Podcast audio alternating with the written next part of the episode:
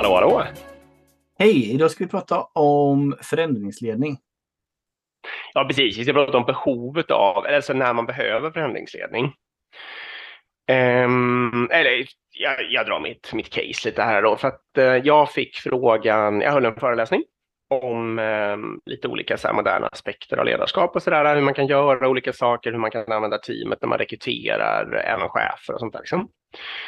Eh, och då fick jag en fråga sen i efterhand så här, hur, eh, hur gör ni med förändringsledning? Liksom? För vi försöker att modernisera här, men det, det förekommer att människor liksom inte um, hakar på helt enkelt. Och då, och då min reflex var så här, förändringsledning för allt vi håller på med, eller det kanske jag har, men inte på senare år och inte liksom i de här frågorna i min, i min egen organisation. Liksom. Um, men, men, och, men frågan var ju fortfarande intelligent och relevant, för då började jag fundera på så här, okej, okay, vad är det då som eventuellt gör att jag inte behöver hålla på med förändringsledning? Liksom? Um, och så. Och så försökte, satt jag och tänkte en stund på det, för att jämföra lite med, med det lilla, lilla jag kunde misstänka om den här andra personens organisation och sådär, och vad som kanske skiljer och sådär. Mm. Och då blev väl min hypotes egentligen att det är två faktorer. Jag vill se vad du tycker om det. Och mm. Den ena är då att jag jobbar med eh, det som kallas aligned autonomy och det andra är att jag eh, jobbar med någon form av supertransparens. Så jag försöker att alla människor hela tiden ska kunna göra pull efter vad som helst, alltså ska kunna be om vilken information som helst och få den eller leta upp den, att det ska vara supertransparent på det sättet. Inte trycka ner information utan mer tillgängliggöra all eller nästan all information. Då, liksom. Um, hela vägen bort till liksom lite marknadsdata på en rimlig nivå, men, och även, men inte förstås till liksom rent personliga uppgifter och sånt där. Men annars. Mm. Ja. Och aligned autonomy är ju att jag försöker att vi i organisationen är väldigt tydliga på eh, vilken riktning vi har, alltså varför och vad vi ska göra. Eh, men att vi har väldigt mycket autonomi då i hur människor löser saker. Liksom. Och då blir min hypotes att om man har de elementen på plats som människor vet precis vad som händer hela tiden, de vet vad som är på gång, de vet det liksom innan. Alltså om det kommer en sån här förändring så vet de att det har pratats om att de, vi har funderat på att göra sådär och sådär, liksom, så de har hunnit vänja sig vid tanken och sådär. Och dessutom vet de att de kommer att ha kvar sin frihet i att liksom, eh, hur de löser olika frågor. Och så eh, alltså det var, blev mitt svar till den personen. Mm. Ja, eh, vad säger du?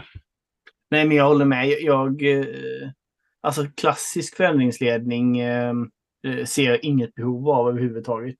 Eh, jag, jag har inte tänkt tanken på, på flera år heller om, om det. Nej. Och det beror ju på transparens för förändringsledning behövs ju på något sätt om man tänker köra över folk helt och hållet. Ja. och så bara nu måste ni anpassa. Det skulle, men det skulle ja. ju kunna vara Alltså, det skulle ju kunna vara något sånt här, vi måste varsla 40 procent nu. Och liksom, ja, absolut. Ja. absolut. Så, mm. så, och, men, men precis, och sen, men sen kan det ju också vara, vi kommer faktiskt göra om ett, eh, säg till kunderna till exempel att vi kommer faktiskt göra om arbetsflödet så pass dramatiskt, dramatiskt nu att det faktiskt kommer påverka jättemycket. Och då kan man börja, liksom börja sälja in det tidigare än vid release så att säga. Eh, och det skulle man väl kunna kalla någon form av förändringsledning då. Men man vill inte framea det under det ordet som du säger. Det är mer eh, del, delaktighet, eh, in, alltså inclusive och transparens på något sätt. Ja, exakt. Och min hypotes blir ju baklänges då att eh, när man behöver sån här gammal förändringsledning, det är ju när man, håller, när man tänkt för länge på något kanske framför ja, allt. Exakt. Så att människor inte alls hunnit vänja sig. Och sen Nej. ska man komma och sälja in den där förändringen. Liksom. Mm. Det är ju Så klassiker... som jag försöker, ja, driva det hela så är det mer liksom att man, eh, man gör det tillsammans. Eller, och jag menar, folk kanske inte alltid håller med och sådär, men då har de i alla fall fått säga allt de tycker och tänker mm. och, och liksom alla är medvetna om att de blir överkörda, hur de blir överkörda och då brukar det inte vara någon jättefråga liksom om man verkligen har pratat om det med för och nackdelar i Nej, men exakt. Och, och där blir det ju, då kan man disagree to agree om inte annat. Men ja, eh, okay men, men just klassiker så är ju att eh, ledningsgrupper sitter och tänker på en organisationsförändring eller någon, någon liksom mm. budgetomfördelning eller vad det kan vara i sex månader. Mm. Och sen så putsar de ut det i någon form av stort informationsmöte. Så tre dagar senare tycker de, är de förvånade med att inte organisationen är med liksom, och förstår. Och, ja. och, då, och då är det dumma, då tycker de att vi måste jobba bättre med förändringsledning. och det är alltså fel slutsats, det är vår poäng.